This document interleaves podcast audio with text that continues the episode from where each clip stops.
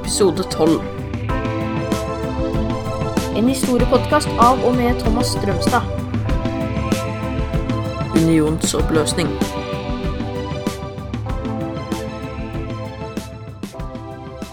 Ja, da har vi kommet til eh, da sagaen om den norsk-svenske unionen eh, var i ferd med å bli slutt. Eh, vi har altså kommet til unionsoppløsningen. Etter at eh, parlamentarismen ble innført i 1884, så hadde et stort veiskille oppstått i norsk politikk. Kongens eh, makt eh, kontra Stortinget var enormt svekket, mens de folkevalgte i Stortinget hadde fått kontroll over regjeringen. Uh, like fullt så var det fortsatt kongen og den svenske utenriksministeren som da styrte over Norges forhold til utlandet. Et av de mest markante tegn på dette var at norske handelsskip måtte ha et flagg med unionsmerket i masten. Den såkalte sildesalaten. Naturlig nok hadde det norske Stortinget utviklet større og større selvtillit vis-à-vis svenskekongen. Og ettersom norsk handel og industri også hadde hatt en positiv utvikling, var det mer eller mindre uunngåelig at eh, politikere fra Venstre ville kreve at Norge fikk større råderett og forbindelse med utlandet. Regjeringen, som ble ledet av Venstre, satte i gang da forhandlinger med kongen om å endre Grunnloven. Hvor målet var at Norge skulle få ha sin egen utenrikspolitikk og utenriksminister. I første omgang da målet om å få et konsulatvesen. Forhandlingene var eh, imidlertid tøffe og harde, og man kom ingen vei. Så anstrengt ble det at Sverige da eh, i 1895 truet med krig. Konsekvensen av dette var en enda større aggresjon blant mange nordmenn, og krav om at Norge da måtte bryte ut av unionen, fikk større oppslutning. Store summer ble bevilget til kjøp av eh, nye krigsskip og kanoner. Nordmenn på sin side bygde festninger langs svenskegrensen for å kunne forsvare seg. Og stemningen ble ikke noe mildere da det norske Stortinget våren eh, 1905 vedtok å opprette et eget norsk utenriksvesen. Ikke overraskende nektet da kong Oskar 2. å godta dette, og det norske Stortingets svar var at Norges union med Sverige var oppløst. Intet mindre. Nå kunne man virkelig ane en storkrig rundt hjørnet. Hva kunne hendre det? Sommeren og høsten mobiliserte norske og svenske styrker langs grensa, men heldigvis ble da krigen avverget. Hvorfor?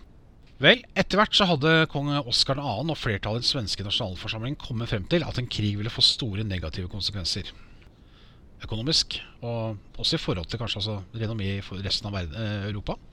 Så det var lite å vinne på det, og dermed gikk de altså inn for å få til en fredelig løsning på konflikten. Kongens neste trekk var da å fremme krav om at det måtte holdes en folkeavstemning før han eventuelt kunne komme med på videre forhandlinger om en unionsoppløsning.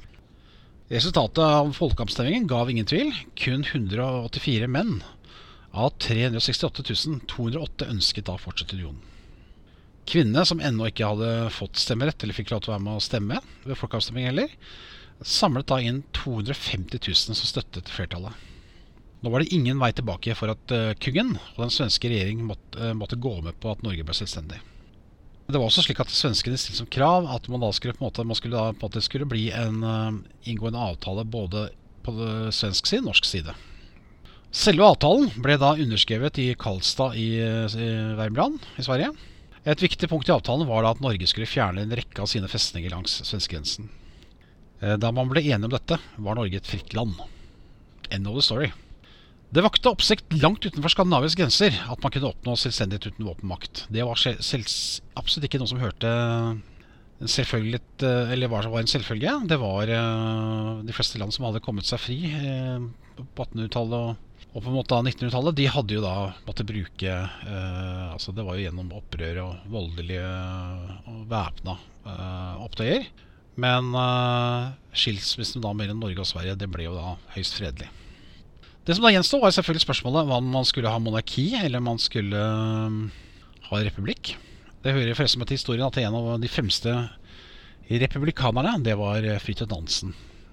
Samtidig så skulle faktisk Fridtjof Nansen være en av de som faktisk ble brukt eh, som sendemenn for da på en måte å For å da få tak noen som da ville kunne bli konge og dronning. Og de man da hadde pekt ut, var en dansk prins. Og hans eh, Altså prins Carl og hans engelske kone Maud, som var datter av Edvard 7. Man tenkte at eh, det var, eh, måtte være et egnet par man holdt jo en folkeavstemning, og det var slik at det var 20% som sa ja til republikk, mens resten ville ha monarki. Så Det var ikke noe tvil om at eh, man da ville ha disse. Etter at eh, Edvard 7. hadde gått med på at datteren ble norsk dronning, var det duket da for en stor velkomst for det nye kongeparet ved Kai i Oslo. Bildet av den nye kongen Kåkon, hans lille gutt Olav har blitt et av de mest berømte i nyere norsk historie. Flere bilder av de to skulle bli opp gjennom 1900-tallet. Bilder som skulle markere viktige hendelser i norsk historie, og ikke minst hvilken rolle disse to skulle ha i det nye uavhengige Norge.